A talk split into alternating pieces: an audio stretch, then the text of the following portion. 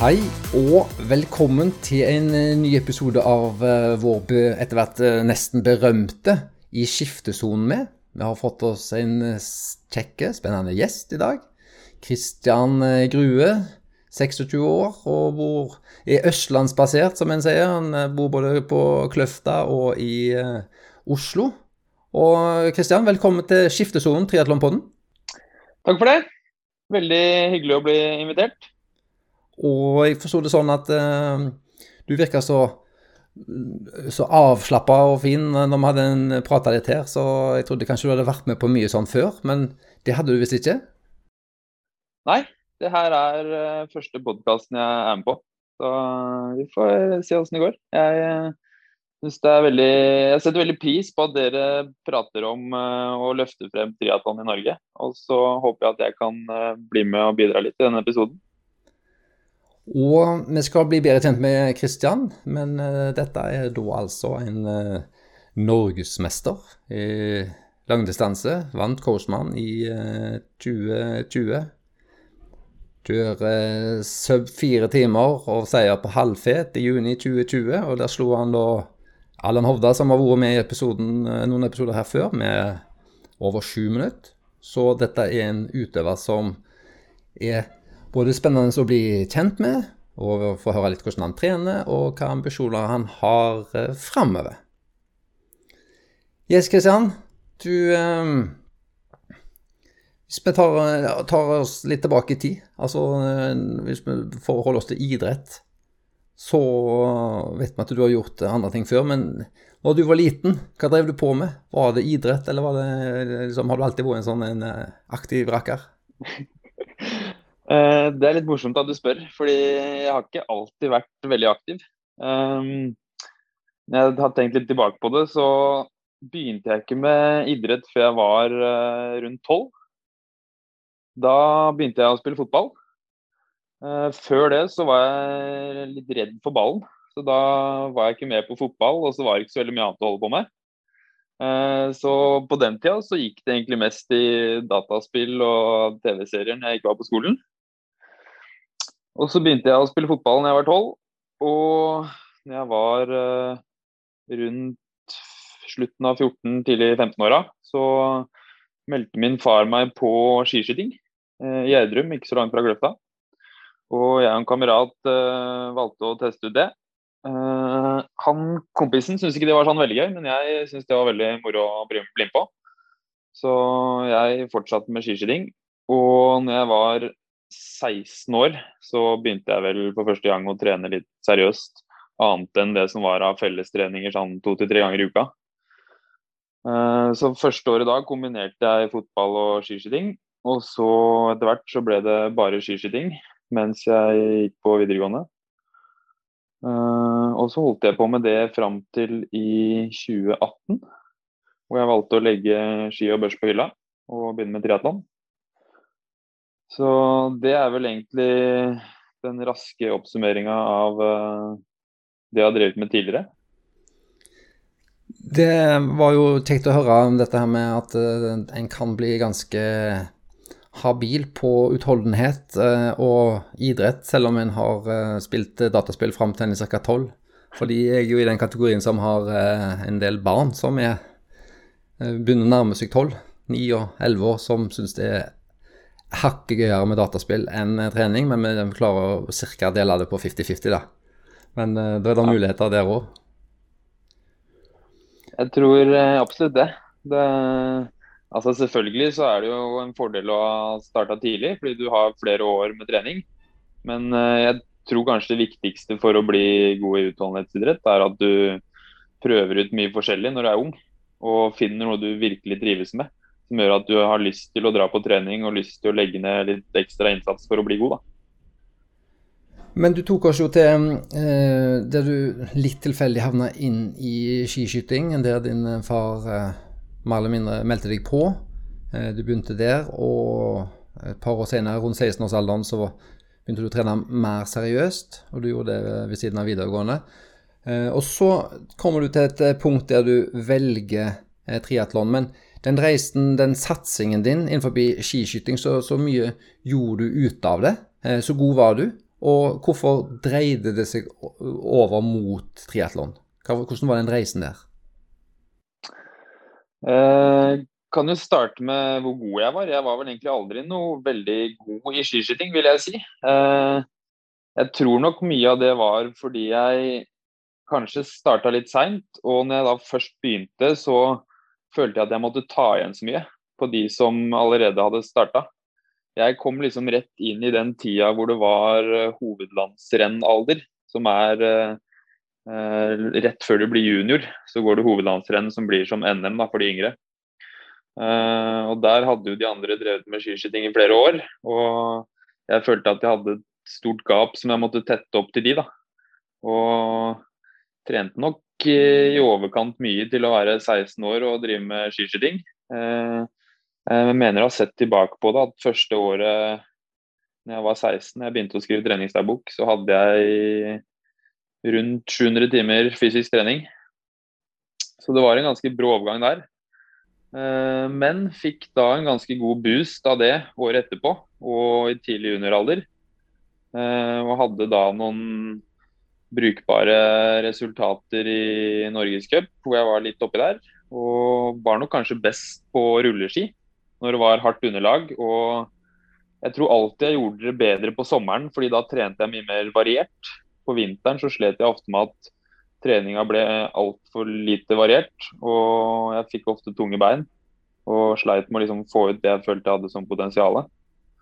Uh, så jeg ble vel østlandsmester på rulleski. Hadde en femte- eller sjetteplass fra NM i rulleskiskyting. Og så er jeg østlandsmester uh, på skiskyting på vinteren. Eh, men ellers så var det vel ikke mer enn noe rundt topp ti-plasseringer i Norgescup som var det jeg skilte med. Men jeg var alltid veldig glad i å trene, så jeg trente veldig mye. Og når jeg begynte på videregående på Jessheim, så havna jeg i et veldig godt miljø sammen med bestekameraten min Jørgen Gundersen og en uh, annen god kompis, Jørgen Bråten, som satsa triatlon og svømming. Uh, og vi gikk toppidrett som valgfag ved siden av på studiespesialisering, alle tre. Uh, og hadde liksom en innstilling og mentalitet hvor vi var motiverte og glad i å trene. Og la ned mye treningsinnsats. De var jo på morgensøvn før skolen. Og jeg ble litt sånn påvirka av det, så jeg hadde ofte en rulleskitur eller en treningsøkt før skolen. Og så trente vi i skoletida når vi hadde toppidrett, og så var det trening igjen på ettermiddagen. Så det var mye trening, og kanskje mer enn det som var normalt for skiskyttere på den alderen. Og så, men, men, overgangen, da, fordi da trente Jørgen Vi har jo hatt eh, Jørgen Gundersen med i en tidligere episode her. Og vi vet jo han kom vel fra svømming der. Men når begynte du å Du sier jo at du gikk jo først på du gikk på rulleski på morgenen når de var på svømming. Og, og, når skjedde den eh, overgangen der at du fikk lyst til å begynne å følge i fotsporene til, til Jørgen, hvis vi kan kalle at du gjorde det? Eh, den overgangen tror jeg ikke skjedde før eh, 2018, faktisk. Jeg var egentlig aldri inne på tanken på å drive med triatlon eh, før jeg la skiskyting på hylla. Eh, men jeg var alltid fascinert av eh, den idretten, eller de idrettene som Jørgen drev med. Og syntes det var veldig motiverende og inspirerende å se hvor mye han trente. Eh, så selv om jeg drev med skiskyting, så brukte jeg sykkel ganske mye som treningsverktøy på sommeren. Så når vi gikk på videregående, så hadde vi ofte langturer på sykkel sammen. Og så løp jeg en del, selv om det var veldig mye motbakke og sånn myreløping. Så brukte vi mye løping i treningsverktøyet. Så jeg var nok aldri inne på tanken av å begynne med triatlon, men jeg var liksom testa det på en måte litt ut, fordi jeg trente litt med Jørgen. Og svømminga var vel eneste jeg ikke drev med eller begynte med sånn aktivt. Jeg husker at jeg var med Jørgen og Jørgen Bråten og Henrik Kristiansen på noe sånn eh, julesvøm og 17. mai-svøm et par ganger. Men da var det mer sånn at jeg hadde en bane for meg sjøl hvor jeg plaska rundt. Uh, kan vel ikke kalle det svømming engang, men uh, fikk være med og ble litt motivert og inspirert av de, da. Uh, og så var jeg faktisk med på det husker sikkert Morten, at jeg var med på Oslo Triatlon. I 2016, tror jeg. Uh, mens jeg fortsatt drev med skiskyting. Men eh, du var jo også med på Jessheim 3 i 2015 og NM Age Group Tønsberg i 2014, hvis jeg husker riktig? Ja, stemmer. Ja, så var, det... Jeg tror Tønsberg var første, hvis det uh, Ja, Tønsberg var nok første. Mm, for jeg husker det så godt, for Christian Blumfeldt kom jo bort til deg, og da hadde du lagt opp Hvor mange gels var det? Sånn fem eller sju stykker på ramma på en sprint, og da fikk jeg helt bakoversveis. Og sånn, har du tid til å få i deg alt det her over en time konkurranse, liksom? Den som uh, snakka det, det var jo da Morten Hansen. og Jeg hadde tenkt å bringe deg inn nå elegant i uh, episoden, Morten, nettopp for oss å høre litt uh, om når uh, kom du i kontakt med Kristian, og når fikk du trene med han. Men nå fikk du jo elegant sneke deg inn her på uh, bakveien likevel. Så da eh, kom vi i gang. Men uh, ja. Jeg har en bedre historie der. Men uh, Grue kan jo først fortelle litt om Tønsberg, som jeg tror var hans første triatlon. Ja, det mener jeg stemmer. Jeg mener i hvert fall å huske at som du nevnte, så er det Tønsberg, uh, Oslo Tri og Jessheim triatlon som jeg var med på før. Uh, Tønsberg Jeg husker ikke helt hvorfor eller hva som gjorde at jeg ble med der. Men uh, jeg husker at jeg kjørte sprint age group der. Uh, og da var det liksom bare Det var en morsom og god treningsøkt på sommeren. Uh, husker at jeg kom opp av vannet et stykke bak uh, Allan. Og så mener jeg å huske at på sykkeldelinga, så på sykkeldelen så tok jeg en Arild Tveiten uh, ute i løypa der. For han var også med og kjørte. Og så var det en del løping inn i sentrum i en ganske spennende løype. Og så mener jeg vel at jeg ble nummer uh, fire eller fem i age group der. Uh, da var det vel Allan som vant, tror jeg. Ja, det uh, og, og, det var Det husker jeg var veldig morsomt og inspirerende. Og jeg syns det var veldig spennende med det at du skulle kombinere tre idretter. Jeg sleit jo selvfølgelig mye med svømminga. Uh, følte kanskje syklinga var det sterkeste, for det gjorde jeg mye på sommeren med treningsturer. og Tidligere så var jeg med på en del sånne turritt hvor du sykler i lag. Lillehammer-Oslo, Randsfjorden rundt, typ. Uh, så jeg brukte det som mye hardøkter på sommeren. Uh, og så var liksom løpinga hadde jeg alltid trent, selv om jeg ikke hadde så mye fart i kroppen. Så hadde jeg alltid løpt på sommerstid. Vi løper jo ofte langturer i skogen og hadde litt motbakkeintervaller. Eh, så jeg følte liksom at jeg beherska syklinga og løpinga greit, men at svømminga var en stor akilleshæl. Mm. For det er jo mye av det jeg husker at du har jo på en måte vært i kulissene for meg, Jørgen, spesielt siden 2014, egentlig. Du har jo på en måte vært der hele tida. Og husker du første gang vi to møttes? For det gjør jeg. det husker jeg ikke. Det er jo som du sier, da. Jeg husker eh, at jeg har kjent deg og Jørgen ganske lenge. Og at jeg ble liksom kjent med triatlonmiljøet i Norge, som ikke var så stort på den tida, gjennom dere to, eh, som var eh, blant de aller beste i Norge da. Eh, men jeg husker ikke helt når. Det gjør jeg ikke. Det jeg husker veldig godt, er første Ullensaker sykkelkarusellene jeg gjorde i 2013. Så var det en Christian Grue på startstreken der i pulje 1 som kom bort til meg og sa Er du han derre kompisen til Jørgen Gundersen, eller? Ja, Christian Grue. Det var det selvfølgelig. Ja, ja, ja. Det, Første ritt jeg gjorde. Jeg husker alle de Ullensaker-karusellene der. Det, det, var liksom de store happeningene på sommeren. Når det var uh, litt bra trøkk i de pullene på Ullensaker-karusellen. Det, det, det, husker jeg brukte som gode treningsøkter. Ja, stemmer det. Og jeg husker i hvert fall på første ritt jeg gjorde der, så gikk jo jeg brudd etter ti minutter og holdt det unna inntil det var to som tok meg igjen etter 40 eller 50 minutter aleine. Og så fikk jo vi topp tre. Og da husker jeg når du kom i mål, så sa du at eh, vi tok ikke bruddet ditt seriøst, for det var ingen som hadde troa på at du skulle holde hele tiden. Så det var ingen som gadd å kjøre meg inn. voldsomt cocky holdning. Ja, voldsomt. Uff a meg. Ja, Men, der ser du, eh, så feil kan man ta. Ja, så feil kan man ta. Men eh, det er jo, jeg har jo mange gode minner fra de Ullensaker sykkelkarusellene. Og det er jo synd at de har splitta dem opp, men eh, det er jo mye på tryggheten i trafikken? For det ble så store puller etter hvert. Jeg mener å huske at uh, vi hadde et par brudd der sammen, uh, vi også. Det var uh, noen av de ritta der som var ganske morsomme, fordi, fordi de er såpass korte. Og så er, ble det ganske bra nivå etter hvert, så det ble mye støting, og det var ingen som ville la noen gå.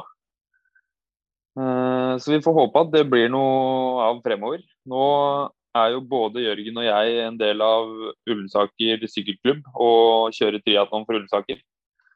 Eh, så vi håper jo å kunne bidra litt til å få opp litt mer satsing blant eh, barn og unge på sykkel, men også triatlon i Ullensaker.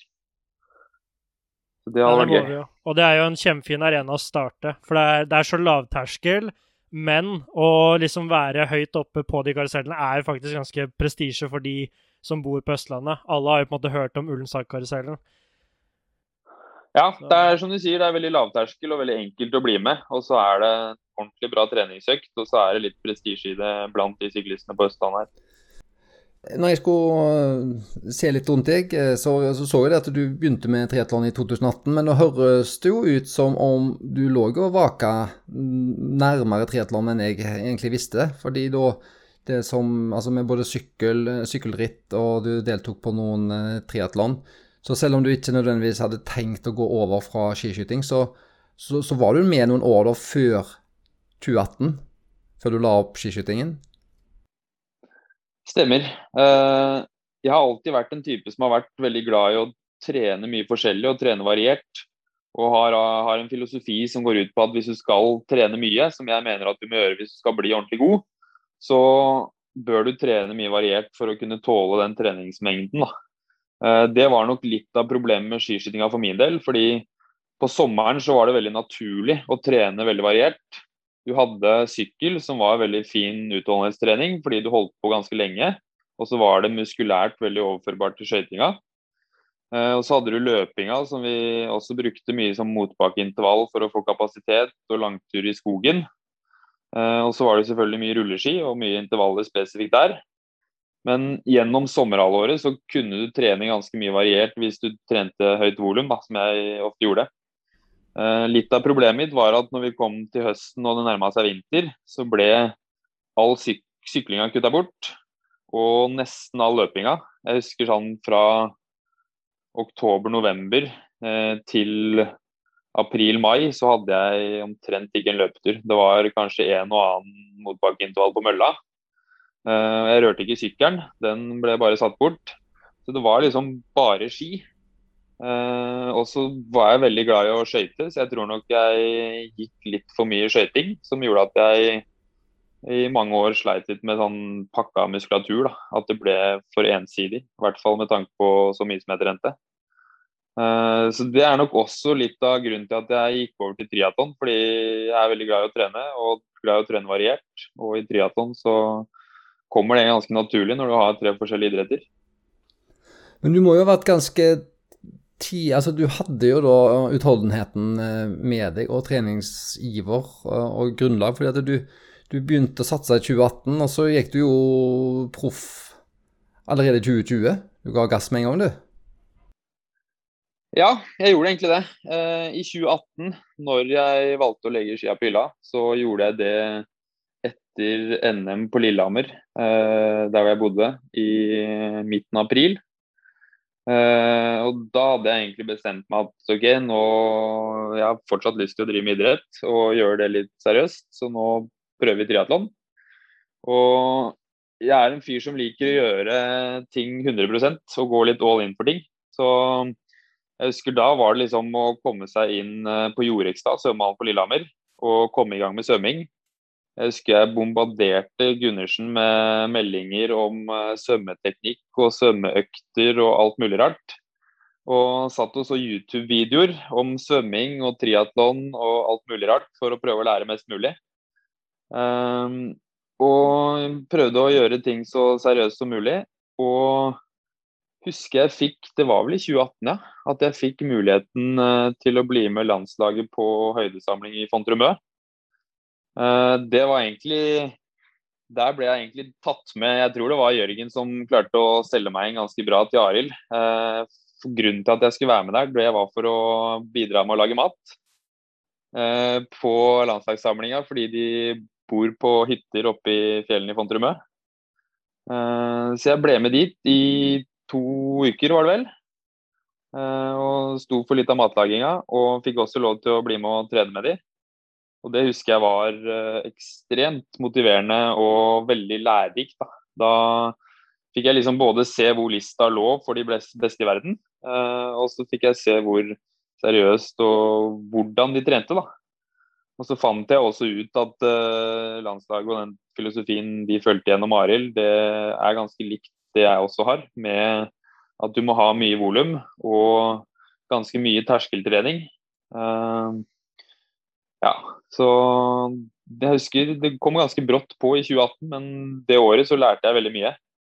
Og så brukte jeg den sommeren veldig godt til å trene mye. Jeg konkurrerte ikke så veldig mye. Jeg husker jeg kjørte NM i Kristiansand uh, uka etter vi kom hjem fra høyden.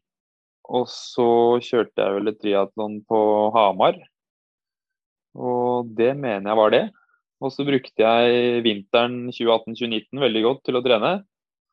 Og så hadde jeg vel min første langdistanse 73 på Mallorca i mai 2019.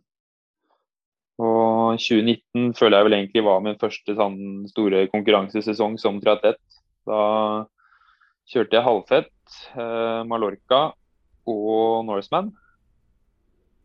Ja. Og du eh, kan jo nevne at du vant eh, age-gruppen din på Mallorca der, fra altså 18 til 24, så vant du age-gruppen. Og det er jo et greit felt, ja, det er mange. Det stemmer. Det var eh, Jeg husker ikke hvor mange vi var i klassen, det tror jeg var rundt 50-60. Men vi var 3500 totalt. Ble vant 18 til 24 og ble nummer fire totalt. Det var litt sånn her, overraskende, men jeg følte at den konkurransen hadde jeg forberedt meg veldig godt til. Jeg husker jeg meldte meg på allerede eh, høsten, sent høsten 2018. Og gjennom hele vinteren så hadde jeg liksom den i bakhodet og la inn en del økter retta mot det. da. Eh, kom dit og kjente at jeg var veldig nervøs og hadde liksom truffet bra med formen. Og det var vel kanskje den konkurransen det året, og kanskje til og med hittil i triatlonkarrieren, hvor jeg har fått ut eh, mest mulig. da. Jeg husker jeg kom i mål og la meg ned. Det var ganske varmt den dagen, jeg hadde drukket litt lite. Og når du kommer i mål på Ironman, så vil du ikke at du skal legge deg ned rett etter målstreken. Så de reiser deg opp for at det ikke skal liksom bli fullt med folk som bare legger seg ned. Og idet de reiste meg opp, så besvimer jeg. og så husker jeg ikke annet enn at jeg bare lå bak på legerommet der med isbiter i panna og på brystet for å bli kjølt ned. Så den dagen så traff jeg veldig godt på formen og var liksom veldig på mentalt, så jeg klarte å ta meg ut uh, helt. Det var kanskje den konkurransen jeg var mest fornøyd med i 2019. Men du fikk jo plass på Norseman, og det som noen av oss eh, har som ambisjon å, å kanskje få ei svart trøye så var ikke det sikkert eh, nok for deg. Du endte vel på en eh, sjuendeplass eh, på den Norseman, og det var vel din Norseman-debut òg? Stemmer. Det var første fulldistansen min. Jeg hadde jo veldig høye ambisjoner. Både fordi jeg, jeg legger ned min innsats og liker å sikte høyt. Og hadde Jørgen som pusha litt på og mente at jeg burde ha ganske høye ambisjoner selv. Og målet mitt var nok Det jeg satte meg som mål, var topp fem på Norseman det året. Uh, om det var realistisk, det vet jeg ikke. Jeg tror kanskje ikke det, i og med at det var min første fulldistanse og jeg ikke visste hva jeg gikk til. Jeg visste at jeg hadde god kapasitet og var i god form, men uh, jeg ante liksom ikke hva som skjedde etter du bikka seks-sju timer. Og Det også var litt av problemet, fordi jeg hadde en veldig god svøm. Og sykla bra. Sykla kanskje Ja, jeg tror, tror ikke egentlig jeg sykla så veldig over evne. Fordi jeg følte meg veldig bra ut på løp. Men pga. det som skjedde mellom Allan Hovda og Marius Elvedal, hvor Marius fikk penalty T2, eh, så ble jeg løpende ut som nummer tre, fordi jeg lå lenge som nummer fire på syklinga. Og tok igjen da Marius i skiftesonen. Eh, så når jeg da kom ut på en tredjeplass, så ble det jo grei overtrening ut på løp. Og uh, husker jeg gikk ut de første fire-fem kilometerne sånn eh, kanskje 15-20 sekunder per km raskere enn det som var realistisk. Og når vi kom til kilometer 17 eller 18, så sa liksom kroppen egentlig helt stopp. Da kom kramper i begge bein, og jeg måtte begynne å gå, og det var liksom egentlig helt tomt. Og så ble jeg tatt igjen av Jarle Wermskog like etterpå. Og så jeg at han fikk en luke, og så da at der røyk tredjeplassen. Så jeg tenkte at eh, nå må du enten prøve å følge med, eller så mister du den pallen og valgte å ta et litt sånn spurt opp i ryggen på Jale for å se om jeg kunne holde følge. Og det har jeg lært at det er det dummeste du gjør i en fulldistanse. Å prøve å spurte opp i ryggen på noen. Så da røyk det selvfølgelig på nytt med nye kramper, og jeg måtte gå og var helt tom for krefter. Så jeg kjente at da mista jeg egentlig litt motivasjonen. Da nærma vi oss bunnen av Zombiehill. Og jeg kjente at nå er det egentlig bare om å gjøre å komme seg til toppen.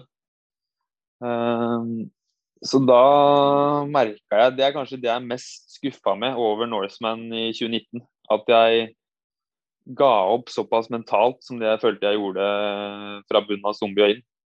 Eh, jeg var liksom ikke villig til å grave ordentlig for en eh, femte-sjetteplass som eh, hadde vært bedre enn det jeg endte opp med, da, og som for så vidt var målet. Jeg var litt mer der at nei, nå røyk den pallen, så da kan det heller være. Så sånn sett i ettertid så det, var det nok en veldig bra prestasjon med tanke på at det var første fulldistanse og første debut, eller debuten i Norseman. Men jeg hadde aldri en sånn godfølelse etterpå, fordi jeg følte at jeg ga opp litt billig siste halvdel der på løpinga. Men uh, det er jo en uh, sterk prestasjon. Og her har du litt å lære av Morten, som nå har tenkt oss å gjøre noe som en fullstendig uten trening, og kun med noen innslag med å være statist for en en eller annen Netflix-serie. Så eh, jeg tror du skal ta en, en lengre prat med Grue, du òg. Ja, jeg må nok det. Men eh, jeg kjenner meg igjen i mye av det, den tankegangen da, i en konkurranse. Det er liksom den derre Når først de der målene du har satt deg, uansett hvor urealistiske de er, når de først ryker, så, så kan det fort gå at du bare måte gir opp alt da, og på en måte bare safer inn. For uh, det er vondt. Og i hvert fall når man går på den smellen som Gru gjør før zombiehill, så er det det er det langt til mål, altså. Vi må bare huske det, Morten. Vi må aldri gi opp, for det sitter bare i huet. Det er bare mentalt. Ja, Det er sant. Det er egentlig bare mentalt. Det har ikke noe å si på hydrering og tomme lager og sånne ting. Det er eh, kun mentalt. Sant, det er bare i huet. Treningsgrunnlag òg, det trenger du ikke. Det sitter i huet, så nei, det må du bare huske på når du står der 7.8. Eh, ja, ja. Det har ingenting å si hva du har gjort i forkant. Det er kun i hodet. Og det ja. håper jeg alle som lytter nå tar med seg videre.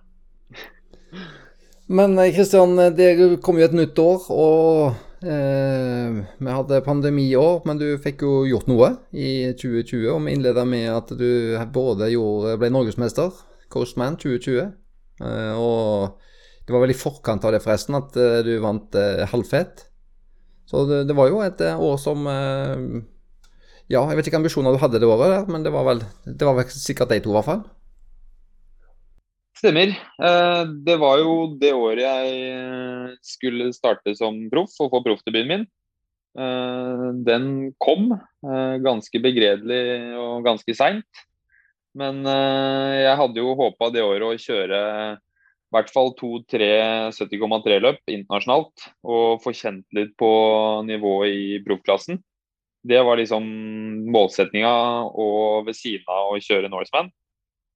Um, så blei det aldri sånn. Jeg, rett før pandemien slo inn, så var jeg nede i Haag og løp et rent halvmaraton.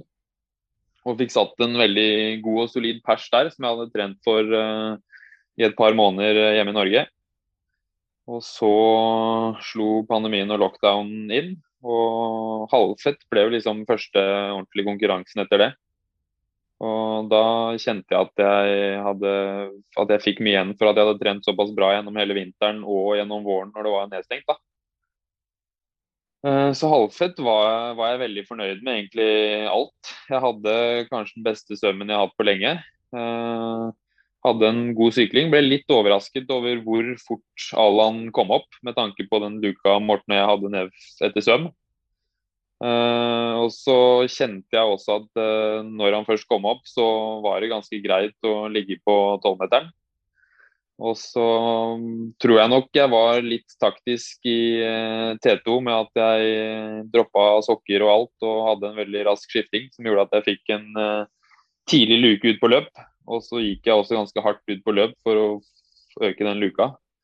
Og da tror jeg nok at det satt en liten støkk i Alan som gjorde at jeg klarte å holde den luka helt inn, og øke litt også. Og det var jo et resultat på under fire timer. Det var vel eh, eh Det er jo Ja, løypene er jo forskjellige, og, en kan jo tenke seg hvordan været var og vind og Det er jo mange faktorer som spiller, men eh, jeg tenker jo at en eh, sub fire timer eh, tid på en eh, på halvfet på en Det er jo en 70,3. Det er jo et godt resultat. Stemmer. Uh, ja, sånn tidsmessig i forhold til løypa der, så tror jeg nok eh, halvfett eh, kanskje var beste prestasjonen i fjor. Eh, for svømmeløypa der er meg bekjent litt for lang. Jeg, jeg, vet ikke hva du tenker, Morten, men jeg mener i hvert fall at den svømmetida vi hadde i forhold til den innsatsen og det jeg følte, var ganske treigt. Og det var vel det de fleste GPS-klokkene sa også, selv om du ikke alltid skal stole på det. Uh, sykkelløypa er jo ganske rask. Det er litt rullende terreng, men det går fort der. Uh, men løpeløypa den er sein. Det er veldig mye stigning i starten. Og du har to runder hvor du går mye opp og ned og er mye grus. Så 1.18 som jeg løp på der, det tror jeg nok er noe av det bedre jeg har gjort på løpedelen. Ja, halvfett er jo absolutt ikke en rask løype. Det er jo veldig mye forskjellig. Og så er det jo også iskaldt halvveis på svømminga der, som også gjør litt med konkurransen. Og løping er jo en av de treigere løypene. Det er litt sånn Oslo-tri-preg over den. Men uh, jeg var jo ekstremt imponert over den tida du satte der med de forholdene og i den løypa. Så jeg er nok enig i at det var beste du gjorde i fjor, hvis jeg skal uh, si det med kommentatorøyne. Uh, det var Det, det syns jeg òg. Og så plutselig så var det vel en Gikk han vel ut som en favoritt på Coastman eh, og, og norgesmester, norgesmesterskapet langdistanse, Kristian. Du kjente vel kanskje på en At du hadde noe der å gjøre? At du kanskje var favoritt? Jeg kjente jo litt på det. Jeg prøvde nok å presse det favorittstempelet litt over på Lars Petter Stormo. Uh, men uh, fikk jo stadig meldinger av Jørgen om at uh, ja, nå, jo, nå, skal du bare over til Bergen og hente igjen den norgesmestertittelen. Og prøvde liksom å si at det er vel ikke bare å hente den, men vi får se. Jeg følte meg i god form og hadde trent bra gjennom sommeren. Og så var det litt sånn Det, var, det er mye vind ute ved Tjeldstø, der hvor Kåsman arrangeres. så jeg følte meg sterk på svøm og hadde liksom planen om å gjøre det samme som jeg gjorde på halvfett, med å gå ut veldig hardt for å prøve å få litt luke som jeg kunne øke utover. Og så merka jeg veldig fort vi, Svømmedelen var 100 meter medstrøms før vi venda. Svømte eh, 800 meter eh, motstrøms. Eh, og så var det vending og tilbake igjen til start.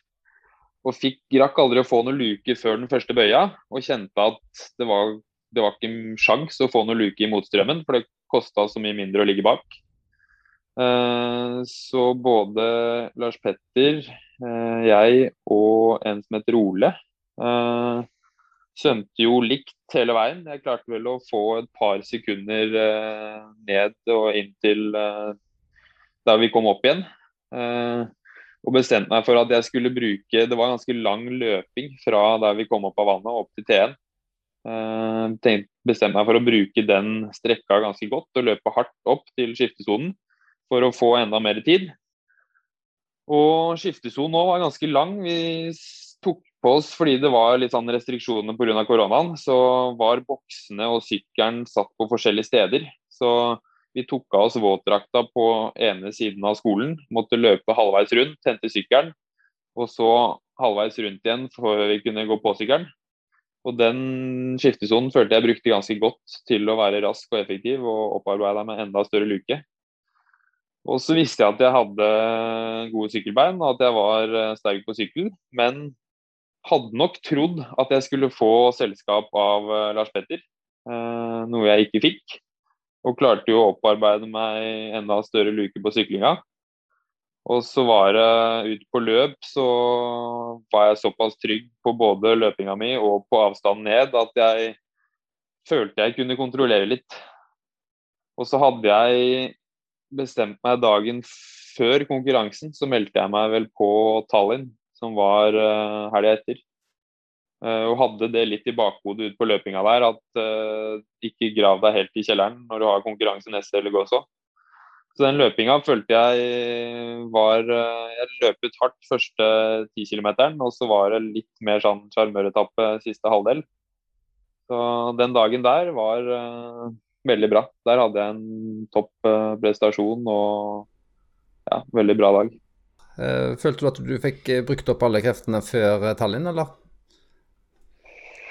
Eh, takk for det. Du skulle nesten trodd det når du så på resultatet i Italien, at jeg hadde brukt opp alle kreftene før det. Ja. Eh, jeg tror nok sånn sett i ettertid så blei det litt for uh, lite og dårlig planlegging. Jeg bestemte meg da helga før og måtte reise hjem igjen fra Bergen. Og så var det å bare egentlig pakke om og komme seg videre til Tallinn og sette seg inn i det der nede. Første pro-konkurransen. Uh, var jo der nede sammen med Christian Rød. Så vi, hadde, vi var der vel nede en dag før konkurransen og fikk gått gjennom løypa litt og svømt litt ved start. Og så hadde jeg en ganske brukbar uh, svøm, følte jeg. Men ut på sykkel så kjente jeg liksom at her, her er det ikke noen krefter. I tillegg til at i fjor så følte jeg fortsatt at jeg hadde ikke jeg hadde ikke nok spesifikk trening på temposykkel til at jeg var veldig komfortabel til å ligge i tempostilling over lang tid. Så jeg følte jeg var ganske avhengig av en type løype som halvfett eller coastman, hvor det er litt variasjon i terrenget. Du kan opp, stå opp på tråd, eh, du kan sette deg opp litt. Mens Tallinn er en løype hvor du egentlig skal ha 90 km i tempobellen. Eh, så jeg kjente jeg sleit litt med den løypa der, i tillegg til at jeg ikke hadde helt beina. Og så eh, kom jeg ut på løp og kjente at her er det fortsatt ikke noe krefter. Det var liksom ikke noe bedre enn jeg kom ut på løpinga heller. Eh, kom jo likt inn med rød i T2. Eh, og taktisk av han så valgte han å gå ut ganske hardt for å få luka ned til meg. Og dum som jeg var, så prøvde jeg å følge. Og gikk jo på en god smell etter to-tre kilometer. Så det ble en tung affære derfra inn. Jeg syns du nettopp sa at du hadde lært den litt eh, under Norseman, at denne spurten ikke var en kjempegod idé. Skulle tro det, men uh, dette var jo 73, da, så var det bare halve distansen. Så da tenkte jeg liksom da må du kunne gå. men nei, tydeligvis ikke. Men Grue, du, nå, for det hadde jo som oppfølging, hva var det du løp på i Haag? Men nå sa du jo det. 1.09,47, var det det? Ja, så det passer, det passer på uh, sånn på eh, Har du løpt 5 og 10 000 meter på bane? Har du noen sånn eh, tider? Hvor, hvor, ligger du hen der? Jeg har jo løpt både 5 og 10 på bane, men det er ikke altså, i forhold til 5 og 10 km så har jeg løpt raskere på gate. Jeg ja. løp Nå har jeg jo i det siste bare uoffisielle tider fra testløp, men i kontrollmålte løyper. Så hvis vi skal ta det, så har jeg 31,51 på 10 gate. Og så løper jeg nå på lørdag 15.03 på fem gate. Så det begynner å nærme seg, men jeg syns det er på tide at vi etter hvert ser 14-tallet eh, på fem og kommer oss under 31 på 10. Jo, jo, men skal jo noe strekke seg til. Ja, det er viktig, det. Vi kan hoppe, vi er ferdig med løpet. Vi vet jo at det har ikke skjedd noe. Du skulle vel gjøre en uh, challenge nå i april? Kanskje det, var, det er nå til helga du skulle ha gjort den? den ble vel, eh, det ble vel ikke noe der? Nei, stemmer. Jeg hadde eh, egentlig kanskje en av mine beste oppkjøringer til den konkurransen. Så det var ordentlig surt når jeg fikk den mailen der. Og Syns vel kanskje det var litt rart òg, fordi jeg hadde lenge prøvd å få kontakt med Challenge. Jeg har aldri kjørt noen Challenge-konkurranse, og det er et litt sånn annet konsept. Eller det er samme distansene, men en annen arrangør enn Ironman. Uh, som jeg har skjønt uh, ikke er så lett å komme inn i og få kontakt med. Uh, og så sendte jeg en mail og ringte, og ble etter hvert ringt og eller fikk en melding tilbake om at de hadde så mye møter nå i forhold til restriksjonene rundt korona. Eh, så de skulle komme tilbake til meg når det var klart. Og fikk et par dager seinere en mail om at de hadde fått beskjed om at de måtte kutte ned antall plasser pga. koronarestriksjoner. Og at det dermed ikke var plass. Eh, så det var en ganske kjip beskjed å få, med tanke på at jeg hadde hatt en såpass bra oppkjøring. og begynt å liksom gjøre klart alt i forhold til raceprep på sykkel og gleda meg til å reise nedover. Eh, men eh, sånn sett i ettertid, så selv om jeg ikke får kjørt den konkurransen nå, så har jeg jo fått en ekstremt bra treningsperiode med veldig spesifikk trening mot 73, som jeg føler det er det jeg kanskje har størst potensial i per nå. Morten, som ekspert, eh, som ekspert og ikke som eh, bekjent av Kristian. Eh, så når du ser på forberedelsene hans og det han, han gjør, så i, i hvilken grad kan han klare å hevde seg i disse feltene her? Så, så god tror du han kan bli i år? Hva kan en forvente av, av han når han går i profffeltene? Er det sånn er det for at han bare skal teste og komme bak oss for å teste seg, eller liksom, er han liksom sånn topp fem, topp ti at vi ser navnet hans? Hadde du spurt meg for to-tre år siden, så hadde jeg ikke sett like lyst på det. For da var det jo Han var jo med meg og Jørgen mye på treningsøkter, spesielt blikkøkter, for da slipper man jo svømminga. Så det var jo mye sykkel og løp, og da var han jo på en måte alltid med på sykkel, datta litt på løp, og har jo alltid vært i god form. Men den kurven han har hatt siste to årene spesielt, har vært sånn skremmende god. Og det er jo kult å se at måte, noen som Grusom legger ned så mye innsats og trening i det, har gjort det så bra. da. Og spesielt det jeg ser han gjør på svøm, er jo veldig imponerende. Og det er jo bare synd at svømmemuligheten har blitt så dårlig pga. korona. Nå kommer det jo nytt bad på Jessheim, men uh, ja, det har jo på en måte stoppa opp litt der, da. Men jeg ser jo hvor mye han trener, og jeg har egentlig ikke noen begrensning for hva jeg tror han kan få til fremover, når han bare får litt mer tid på seg og ikke holder seg unna skader og sånne ting. Så jeg har ikke noen sånne eh, restriksjoner på hva jeg tror han kan få til nå, for nå Han er, slår jo meg, så det Ja. Ja, Da mener du på at da er veien til himmelen, eh, da er veien til himmelen kort? Han eh, slår jo deg? Ja, da er det ja. veldig kort til toppen, hvis han slår meg. Da er det bare, liksom, da er det bare den der lille, lille den prosenten igjen. Ja. Den bitte lille. Det dreier seg egentlig bare om å ha dagen. Ja, ja. Det, er, det, er, egentlig bare det. Det er kun på da, dagsformen det står på nå. Men uh, ja, det er egentlig synd at uh, han ikke begynte litt tidligere, så at vi på en måte kunne hatt de storhetsdagene sammen, da.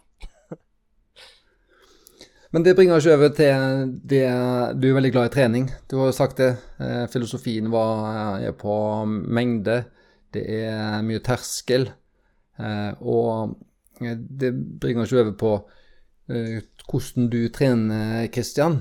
Eh, og hvis vi starter på, eh, på, på, mengde og klart nå er det jo, altså Du har jo forskjellige deler av en sesong. Men når du nå har vært i sesongforberedelse på f.eks. rett og slett timer i banken, hvor, hvor ligger du hen per uke ca.?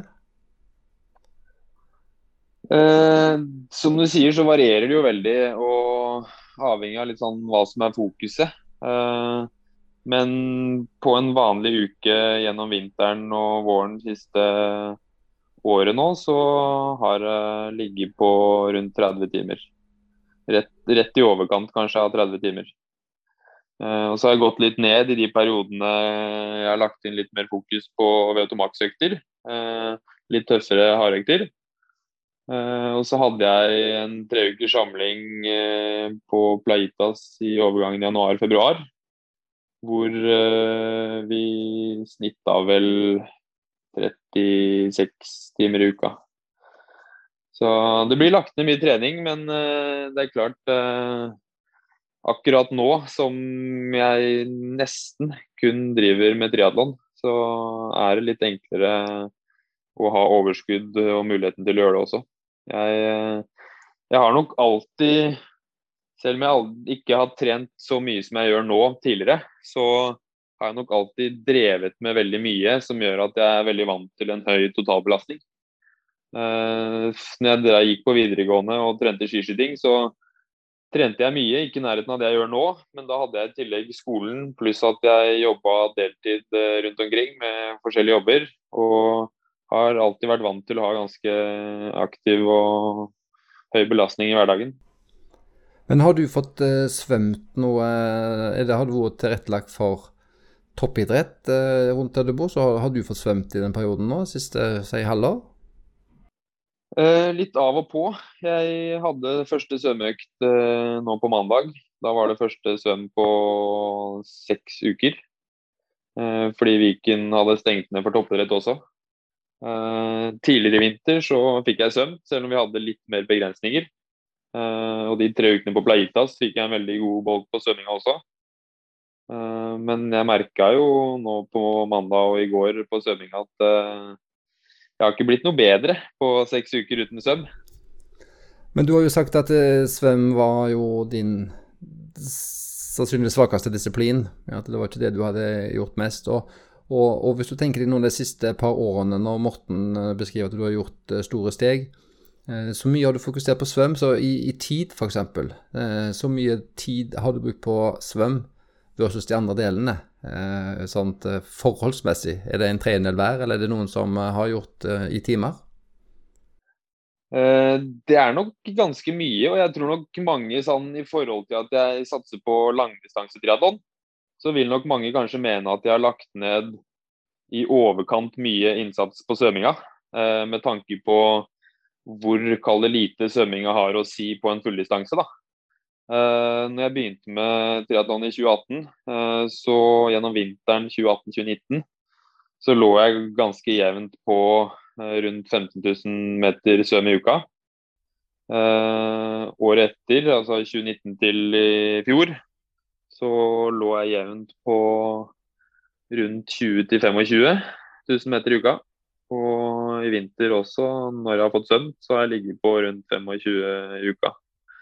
Eh, så jeg har lagt ned ganske så mye svøm og hatt flere uker opp mot 30 og rett i overkant av 30 000 meter. Eh, som jeg tror er mer enn det mange fulldistansetriatleter eh, driver med. Men jeg har liksom vært der at hvis jeg skal hvis det skal være noe poeng for meg å gå over til å kjøre proff, så må jeg kunne henge med i hvert fall delvis på svømminga. Fordi det er såpass stor fordel å kunne ligge i Selv om du ikke kan drafte, så kan du ligge i grupper på syklinga. Og selv om du må holde 12 meter, så er det en stor fordel å kunne ligge på den 12 meters avstanden bak noen på syklinga. Eh, så hvis du må sykle deg opp fra sisteplass etter svøm, så bruker du såpass mye krefter at du har ikke noe bein igjen på løpinga. Så jeg har vært av den oppfatning at jeg må jobbe hardt på søm og jobbe mye med søm for å kunne få opp eh, kapasiteten og ferdighetene der. Sånn at jeg kan få syklinga litt billigere og kunne ha litt mer bein ut på løp. Du beskrev jo at eh, når du, etter du var med landslaget på tur, så var det dette her med Du skjønte at det var mye terskeløkter og, og, terskeltrening som du Eh, måtte gjøre. Og du, du, du, gjør det fortsatt. Eh, men når du da skal legge opp ei sånn typisk uke, når du, når du har disse her 25-30 timers ukene dine, sånt, sånn et, et omtrentlig snitt, hvordan ser den uka ut da? Er det mye doble og triple økter, eller er det som uh, noen, uh, ei hardøkt til dagen? Eller hvordan legger du opp ei sånn ei, hvis vi klarer å finne ei sånn ei snittuke på sånn oppimot 30 timer? Uh, ja, der også er det nok uh, Jeg trener veldig mye trippeløkter. Uh, kanskje veldig mye mer enn det andre langdistansetriatleter gjør. der er jeg nok mer lik landslaget i måten å trene på. Og mange vil nok kanskje si at jeg også kan være enig i at i forhold til fulldistanse, de lengste på Ironman, så er det ikke nødvendigvis eh, så gunstig å kjøre tre økter, fordi da øktene ikke blir så lange. Da er det gunstigere å kjøre færre økter, men lengre for å få den der muskulære kapasiteten som du ønsker på de lengste distansene. Men jeg eh, føler jo at treninga mi er litt mer retta mot 70,3. Og der føler jeg det er viktigere å få inn jevne og nok økter på både svøm, sykkel og løp. Så hvis jeg skal ta en typisk treningsuke eh, når alt er åpent, da, så er det ofte svøm på mandag. Og en lengre sykkel. Og kanskje en styrkeøkt. Og så er tirsdagen eh, stort sett alltid terskel på løp. Og så en rolig halvlang sykkel. Og så har svøm på kvelden igjen. Og så onsdagen er ofte svømmefri. Da er det en uh, lengre sykkel og en halvlang eller dobbel løp. Og så er torsdagen Den starter som regel med svøm. Og så er det intervall på sykkel. Og så er, kan det være enten en rolig eller en ren fartsøkt på løp på kvelden. Og så er fredagen litt sånn mellomdag. Da kan det ofte være løpsfri og en halvlang sykkel og svøm. Rolig svøm. Og så er lørdagen stort sett en lengre brickøkt og en enten rolig svøm eller en rolig sykkel eh, etterpå. Og så har jeg ofte hatt søndagene som sånn type en hviledag, hvor jeg har hatt en langtur løp og that's it. Og prøver å forberede meg litt uh, fysisk og mentalt til en ny treningsuke. Så det vil i praksis si at du har fem dager faktisk i uh, basseng? Eh, ja. Onsdag og søndag uten basseng. Og så um, var det, det var i hvert fall tre-fire av de dagene, tror jeg, som du beskriver triple, trippeløkter på. Jeg har eh, En vanlig uke er vel uh, stort sett uh, rundt seks dager med løp. Enten seks eller sju løpeøkter. Og så er det fem eh, eh, dager med svøm og seks dager med sykkel. Og de hardøktene øktene, Hvis du bare oppsummerer, hvordan var det du fordelte deg? Du hadde noe eh... Det er som regel én terskel på løp, én terskel på sykkel. En økt på løp som er mer type fartsøkt, sånn jeg ser på det. Jeg ser ikke på det som en hardøkt, men korte drag med litt uh, høy fart. Og så en lengre overgangsøkt med både sykkel og løp. Og så har jeg stort sett to eller tre dager på svøm med litt hardt. Men den brikken der, er det terskel, eller er det noe under? Den varierer litt avhengig av sesong. På vinteren så syns jeg det er fint å kjøre den som terskel og litt flere overganger. Mens når jeg nærmer meg konkurranse, så blir den ofte litt lengre og at jeg starter litt under, mer på 73 intensitet. da. Eh, du beskrev i hvert fall én styrkeøkt eh, der. Um, gjør du noe type stretching, bevegelighet? Altså for å du, du, du sier at det, du, du, må trene på å ligge aero på sykkelen din. Tempo og, og sånt. Oppimot opp stivhet av dette her, så gjør du noe bevisst stretching, eller bare trener du på å, å ligge i bøylen? Uh, sånn I forhold til tempostillinga, så er det, da trener jeg nok mest bare på å ligge i bøylen. Uh, men jeg har som regel kanskje tre dager i uka hvor jeg avslutter, eller idet jeg kommer inn fra økt, så legger jeg inn 15-20 minutter med tøying. Uh, det er mest fordi jeg føler det hjelper meg med å opprettholde bevegelighet, som gjør at jeg lettere kan ta endringer i teknikk og lettere kan holde god teknikk. da. Uh, så ja, rundt tre korte 15-20 minutters økter med bevegelighet. Så, så, har jeg ofte en styrkeøkt med litt tunge vekter. Uh, og en ganske kort sånn 30-40 minutter med ren basis på mage og rygg. Hansen, det er ikke mye av dette her du klarer å være med på lenger, er det det? Jo da, jeg kan være med på alt. Jeg er med, vet du. Så lenge jeg har tid, så er jeg med. Og da henger jeg godt med òg. Så ja. Ja, Så i praksis er det, tirsdags, eh, det tirsdagsintervallene på morgenen? Det er ca. det du er med på? Ja. Men nå har det jo ikke blitt så mye av det, da, for nå skal jo den der treningsgruppa vår drive og mase og krangle om hvor vi skal gjøre de øktene. Det blir enten på Kilen, eller så blir det på Sognsvann, eller så blir det på Bislett. Så vi klarer ikke helt å bestemme oss, da. Nei, det går vel kanskje an å bare ha en rundering? Rullering? Der, der, tenker jeg vi bare må ha en kaptein. Og den kapteinen er den som løp eh, Den som vant økta forrige uke. Sånn tenker jeg vi kan gjøre det fremover, Morten. Men da tenker jeg, hva definerer du med vant? Er det den som har gjort økta riktigst, eller kjappest? Ja, Det må være en kombinasjon. Fordi hvis du gjør den kjappest, men du løper altfor hardt, da har du bomma. Ja, Så det blir den som gjør den må... riktigst forhold til nivå? Ja, det vil jeg si. Men da tror jeg, jeg kanskje si at, jeg eh, har truffet best, altså. Ved å ikke møte opp? Ja. det, den er sterk. For da har jeg tatt riktige valg og beslutninger basert på treningsmengden før økta, ikke sant? Og så tar jeg hensyn til hvor kroppen er restitusjonsmessig. Men da gjør vi et kompromiss neste tirsdag. Da bestemmer du hvor, og så bestemmer Rød og jeg hva. Og, og fart. Og fart. og fart. Ja, ja. ja, men det er greit. Da, da, har vi en god plan før tirsdagen.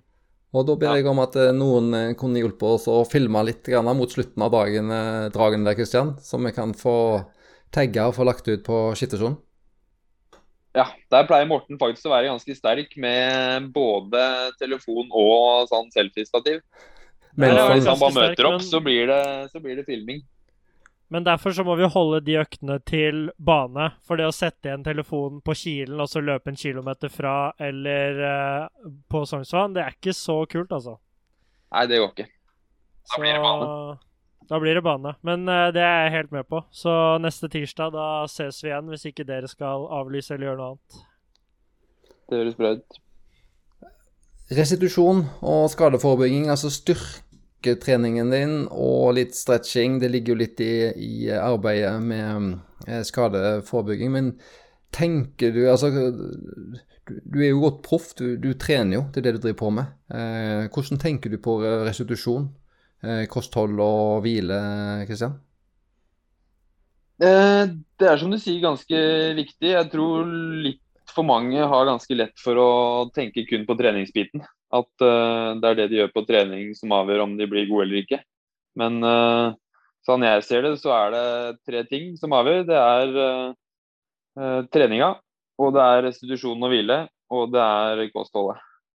hvis de tre tingene er på plass over tid, så kan du nå ganske langt. Så selv om de nærmeste vennene mine vil sikkert si at jeg putter i meg mye rart og mye dritt, Eh, det gjør jeg nok også. Så er jeg veldig bevisst på å ha et veldig sunt og godt eh, kosthold i bunn.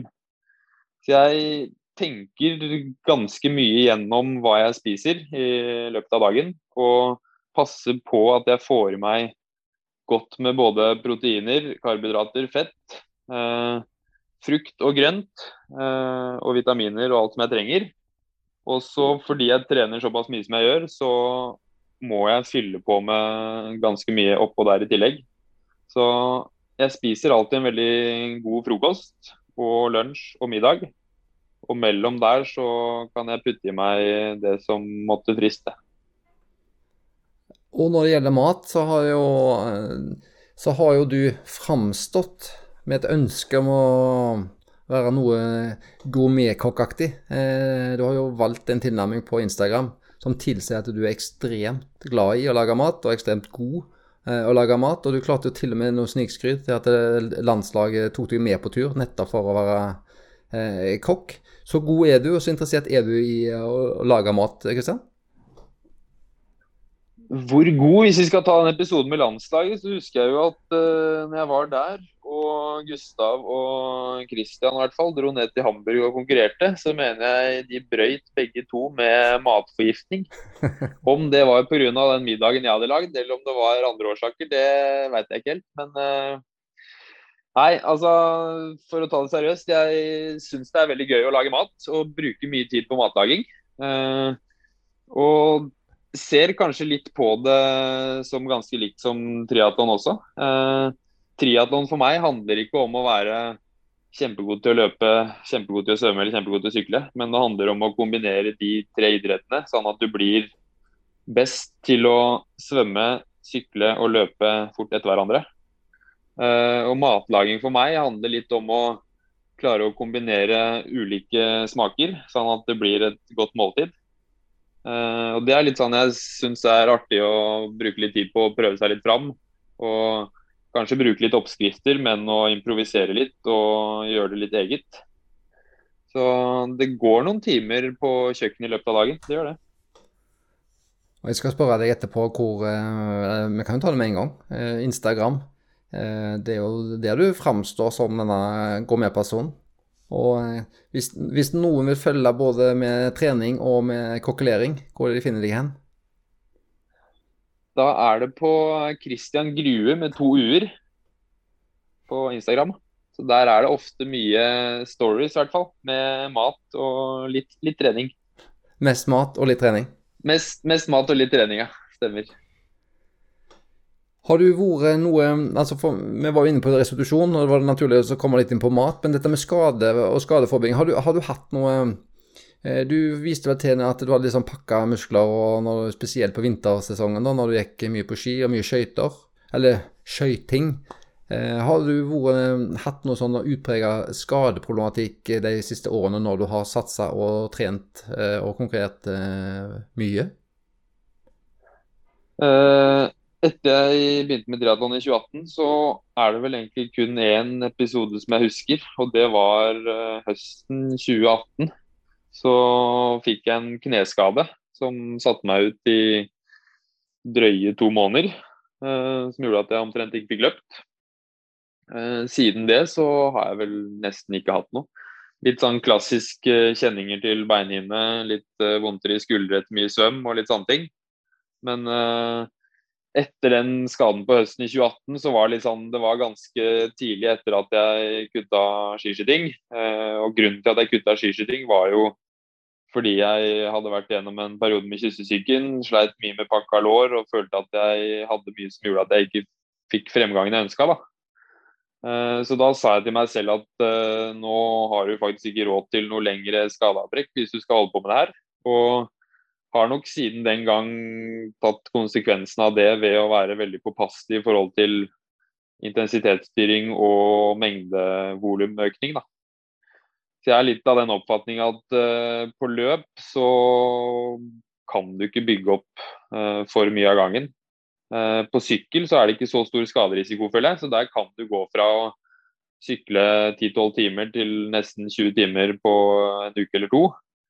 Mens på svøm, nei, på løp, mener jeg, så kan du ikke gå fra å løpe 30-40 km i uka til å løpe 90-100 km neste uke. For da går det kanskje bra en uke eller to, og så kommer det noen skader. Mm. Så der har jeg vært veldig påpasselig at hvis jeg har hatt avbrekk pga. sykdom eller hva det har gjort som har gjort at jeg ikke har fått løpt, så må jeg bruke god tid på å bygge opp en løpekapasitet. Vi kommer til å ha en sekvens framover med i skiftesonen om uh, temaet som heter trener, skråstrek uh, coach. Liksom hva slags Hvordan de jobber og hvordan de tenker for å følge og gjøre utøver best mulig. har du noen trener eller coach som du bruker i det daglige nå i karrieren din? Nei, det har jeg ikke. Jeg har flere personer som jeg sparer litt med hvis jeg liksom føler meg usikker. Men uh, føler selv at jeg har begynt å få såpass mye kunnskap og kjenner kroppen min såpass godt at jeg føler det er enklere å styre den treninga selv.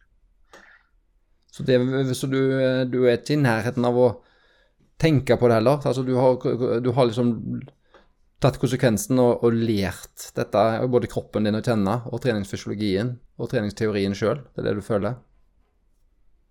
Ja, jeg gjør egentlig det. Eh, jeg har jo selvfølgelig alltid tenkt og kanskje vurdert å ta en prat med Arild og vurdere å bruke han hvis han hadde hatt tid. Fordi jeg føler at den treningsfilosofien jeg har, er ganske lik den han har. Eh, at det kunne vært en god match der. Men samtidig så har jeg vært litt skeptisk til det, fordi litt av problemet mitt på når jeg drev med skiskyting, var at jeg i perioder der hadde trener og treningsplan som var veldig spesifikt satt opp. Og jeg var av den typen tidligere som hvis det sto eh, tre timer løping eh, i skogen på planen en dag, eh, og jeg var sliten eller følte meg dårlig, så gjorde jeg det fordi det sto på planen. Og klarte ikke å ta den vurderinga selv på at jeg kanskje burde justere ned eller kutte økta.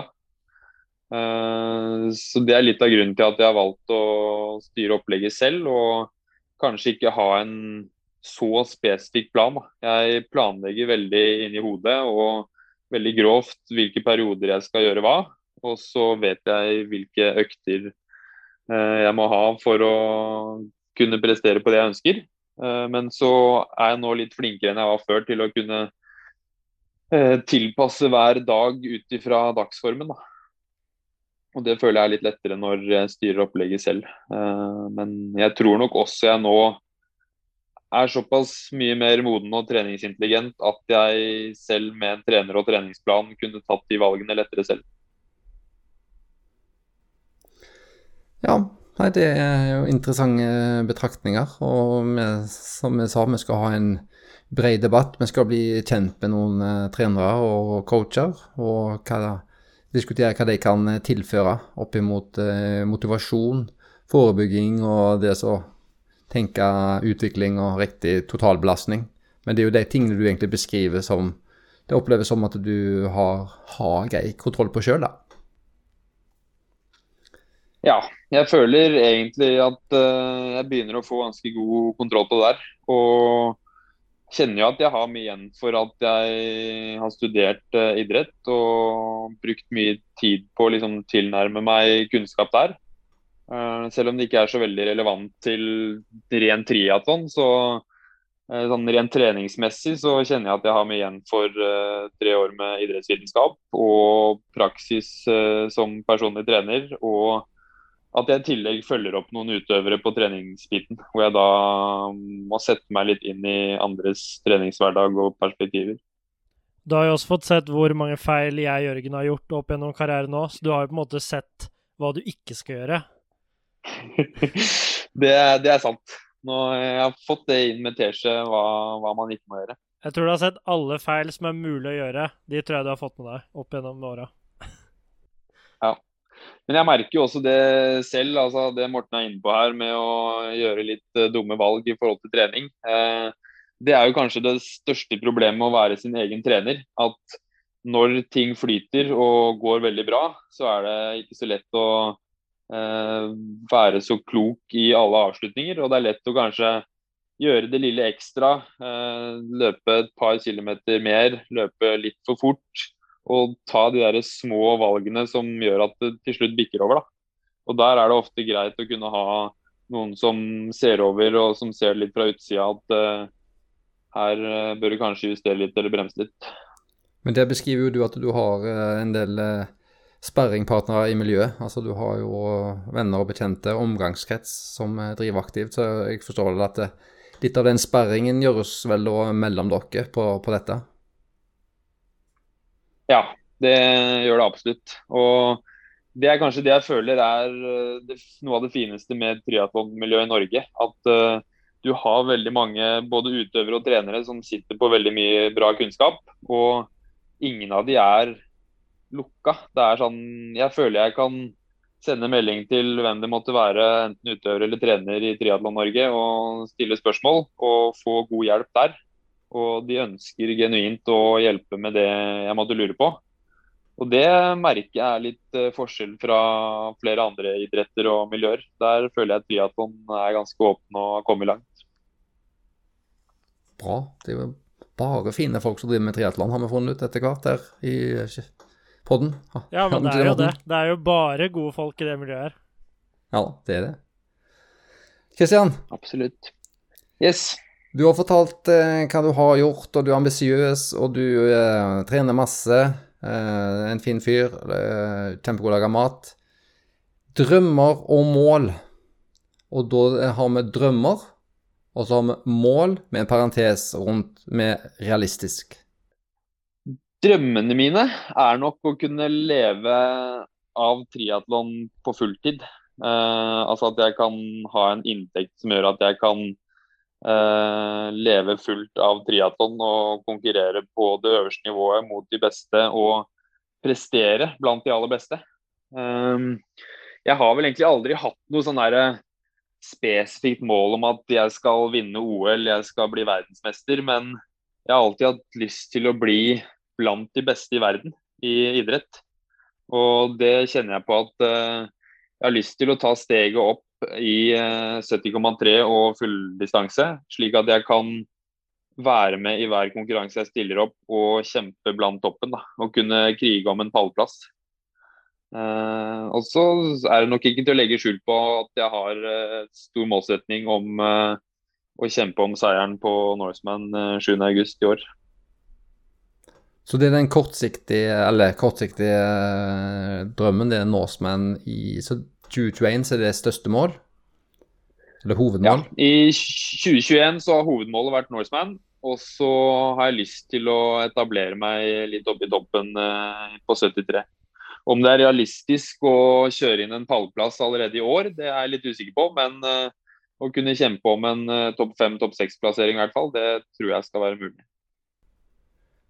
Og hvis du begynner å hevde deg i 73, er det da eh, VM, Ironman? Eh, tenker du fullestasje, tenker du Kona? Eller har det liksom bare, ligger det for langt fram, eller er det for fjernt egentlig til å ville legge ned det arbeidet? Eh, jeg tror nok Kona er altså Hawaii er absolutt et sted jeg har lyst til å reise til og konkurrere i. Men uh, sann ting er akkurat nå, så føler jeg at jeg trenger et par år til med 73. Både konkurranse og erfaring der, og et par år til med spesifikk trening i triatlon. For å kunne hevde meg ordentlig på de raske fulldistansene.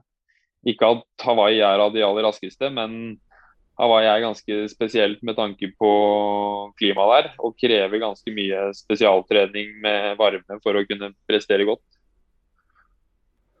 Morten, nå har Kristian eh, uttalt et uh, hårete mål til Norseman. Og vi har jo vært i kontakt med opptil flere andre som har tenkt å delta der. Jeg tenker ikke på deg nå. Men hva hvis ting går sånn som vi håper på nå, med både pandemi og deltakelse på, på Norseman, når det blir gjennomført. Hva kan vi håpe og forvente å se på Norseman blant disse kandidatene som har tenkt å delta der i år?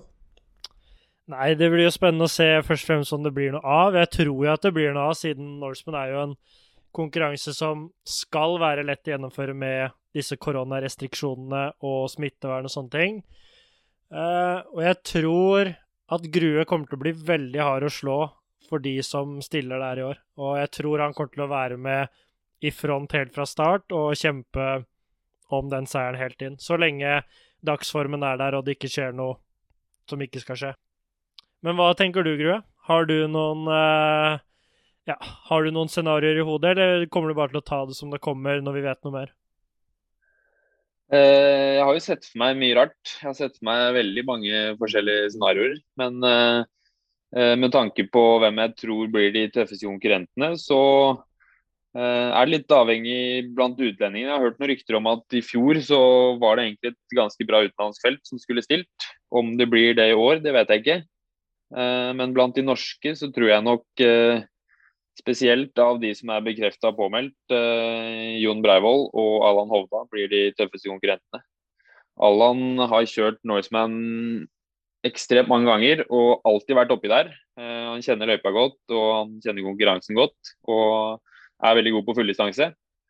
Og Jon er en type som eh, jeg tror kan bli ekstremt skummel, både fordi han er såpass sterk på syklinga, eh, og Norseman er jo type en sykkel, syklistenes uh, Ironman, som de kaller det. Uh, fordi sykkeltid er såpass lang og det er så mye klatring. Også I tillegg er han ekstremt god til å løpe og en veldig lett utøver, som gjør at han eh, mest sannsynlig kommer til å gjøre det veldig bra på løpedelen med den tøffe stigninga til slutt. Fordelen min tror jeg nok er svømminga, både mot Alan og mot Jon. Og så får vi se hvem som klarer å sette sammen uh, syklinga og løpinga i tillegg best mulig. Jeg kan i hvert fall love deg at um, vi skal følge med, Kristian. Det er bra. Helt sikkert. Du, du, nevnte Instagram. Er det noen andre SoMe, sosiale medier, som vi kan lære deg bedre å kjenne gjennom? Har du YouTube-kanal, eller har du noe annet eh, som kan følge deg på? Nei, det er ja, Facebook. Og så er det Snapchat eventuelt, da. Jeg er ikke på TikTok ennå. Men du har en Facebook på eh, idrettsutøveren eller på en privat eh, person? Jeg har en idrettsutøver hvor det linkes til en del av det jeg legger ut på Instagram. Og når kommer matvloggen på Nei, det er et godt spørsmål. Det, det burde vel komme noe greier etter hvert. Det har vært mye snakk, men uh, lite, lite som har skjedd. Så vi får se om det kommer noen sånne der, uh, tutorials uh, på matlaging etter hvert. Noen oppskrifter og litt greier. Ja, nå er det også noen Tønsberg-gutter som har begynt å ta takeover på Christian Blumfeld sin YouTube-kanal, så da er det på tide at du stepper opp gamet med en liten matvlogg etter hvert, tenker jeg. Ja, kanskje det skal bli greia. At uh, Tønsberg-gutta og andre folk har sånn takeover på min matblogg. At vært, uh, jeg send, eh, sender det videre til de, at de må begynne å legge ut noe mat og tagge meg. Det hadde vært bra. Ja. Kristian, du er i triatlonmiljøet. Er det noen andre triatlonprofiler i Norge som du mener på at folk eh, eh, nå bør eh, merke seg og følge med på, som er enten up and coming eller som har gått litt under radaren? Og om det eventuelt er noen som vi bør merke oss og kommentere eller ha med noen episoder? Eh, nå kjenner jeg ikke sånn veldig godt til veldig mange. Eh, dere har jo allerede hatt en prat med Jon. Jeg syns Jon kanskje er den mest spennende utøveren vi har på langdistanse. Eh, I forhold til det han har vist at han kan både på sykkel og løp. Eh, og jeg ser jo også at han har fått svømt bra i vinter og begynner å ta steg på svømminga. Så jeg syns Jon er veldig spennende der. Eh, og så har jeg trent litt med en yngre utøver på Hamar som heter Petter Ellingsbø. Som jeg syns er veldig spennende. Han eh, er litt usikker på hvilke årgang han er, men eh, han trener jo svømming på Hamar under eh, Øyvind Røsland, som er en ganske kjent svømmetrener i Norge. Som var trener på juniorlandslaget når Jørgen Gundersen var der. Og har tatt ekstremt store steg på svømmedelen, og svømmer veldig bra. Og begynner å få fart på løpinga også. Jeg mener han løp rundt 15,50 på noe testløp på 5 km alene i vinter. Og hvis han får på plass litt sykling også og får enda mer fart på løpinga, så tror jeg han kan gjøre det bra i Europacup eh, og de kortere konkurransene til sommeren. Ja. Det var jo et, eh, et stalltips som vi kan følge med på, på på listene og se om det er en som eh, klarer å, å ta steget, som, som du sier. Morten, vi har eh, hatt noen som har blitt, som blitt utfordra, som har klart å ta en, eh, en utfordring som dreier seg om en, å fortelle en historie eller en eh, vits som har slått an. Eh, de har eh, hatt noe med Kristian i seg alle. Kristian Blommenfelt eh, har to ganger fordelt en vits, historie, som, og han mener sjøl på at han er den desidert beste på det. Vi har utfordra flere, og Hans Christian Tungesvik eh, drog til med en eh, god eh, vitshistorie. Og når vi nå har en, eh, en, en annen Christian med oss, så har jeg lyst til å bare klinke til og sjekke og utfordre deg på hva, så god du er på gode historier eller vitser, Christian. Så hvis de får lov, utfordre deg. Absolutt. Gi oss en, en, en god historie nå. Nå er jeg en ganske enkel eh, gutt fra Gløfta, så jeg har eh, enkel og billig humor. Eh, men hvis vi tar Vi kan ta den her. Jeg kan stille dere spørsmålet, så kan vi se om dere tar den, eller om jeg må forklare den. Hva, hva har en svidd pizza og en gravid kvinne til felles? Veit ikke. Det er en mann som har glemt å ta den ut i tide.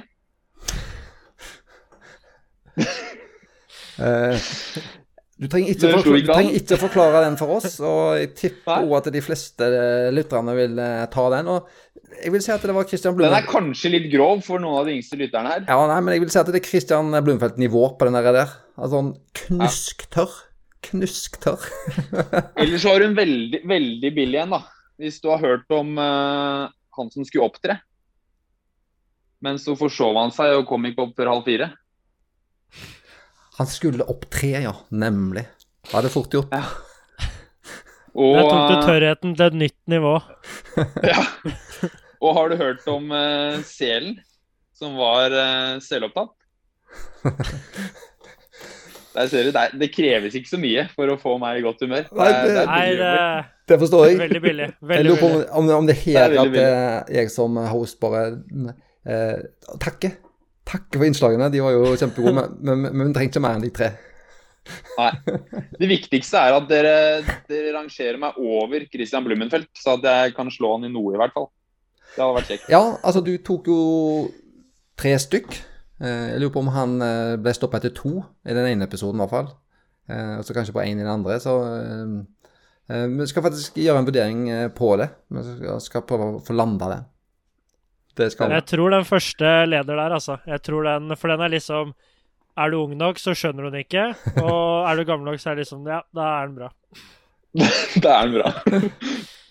Sikkert. Så det, jeg tror vi nettopp fikk en ny ledelse i vitsekonkurransen vår. En ny Christian. Ja, og, og jeg kan, da kan jeg si til deg, Christian Grue, at eh, Christian Blumenfeldt er en sånn person omtrent uten konkurranseinstinkt. Jeg tror aldri han har hatt det konkurranseinstinktet. Så jeg tror ikke du trenger å være redd for at han prøver å ta den plassen tilbake. Nei. Det, han pleier jo ikke å vinne så mye, han. Nei, så det, jeg tror han bare er sånn som syns det er gøy å delta. han er ikke vant til det. Jeg tror Han er er fornøyd med andreplasser, han, så Var en sånn jovial fyr og Ja. Nei, Det blir spennende å se hvordan han tar det der. Det, det, det blir det. Ja. Er det noe som eh, du, Morten, eh, syns at vi må avklare med Christian, eller er det på tide å ta kveld? Nei, eh, jeg føler jeg har blitt litt bedre kjent med Grue. Det var jo fint å ta en liten historie fra 2013 igjen og mimre litt tilbake. Så det har vært en glede å høre på, Christian. Det har jo ikke vært vanskelig å få informasjon ut av deg, så jeg vil bare takke for at du stilte opp. Takk for det. Takk for at jeg fikk eh, være med i podkasten. Veldig hyggelig. Vi tenker jo bare å gi en liten shout-out til de kvinnelige lytterne. De finner jo garantert Christian på Tinder, så det er jo bare å holde seg oppdatert der i Oslo-området og swipe til høyre når man ser han. Der må jeg beklage at der tror jeg ikke du finner meg lenger, Morten. Jo, jo, jo. Man gjør alt et sted. Så vi, vi kan legge en død der med at du finner meg ikke på Tinder, og så kan eh, folk få vurdere selv hva de legger i det. Tusen takk, Kristian, for at du var med oss i dag. Takk for det.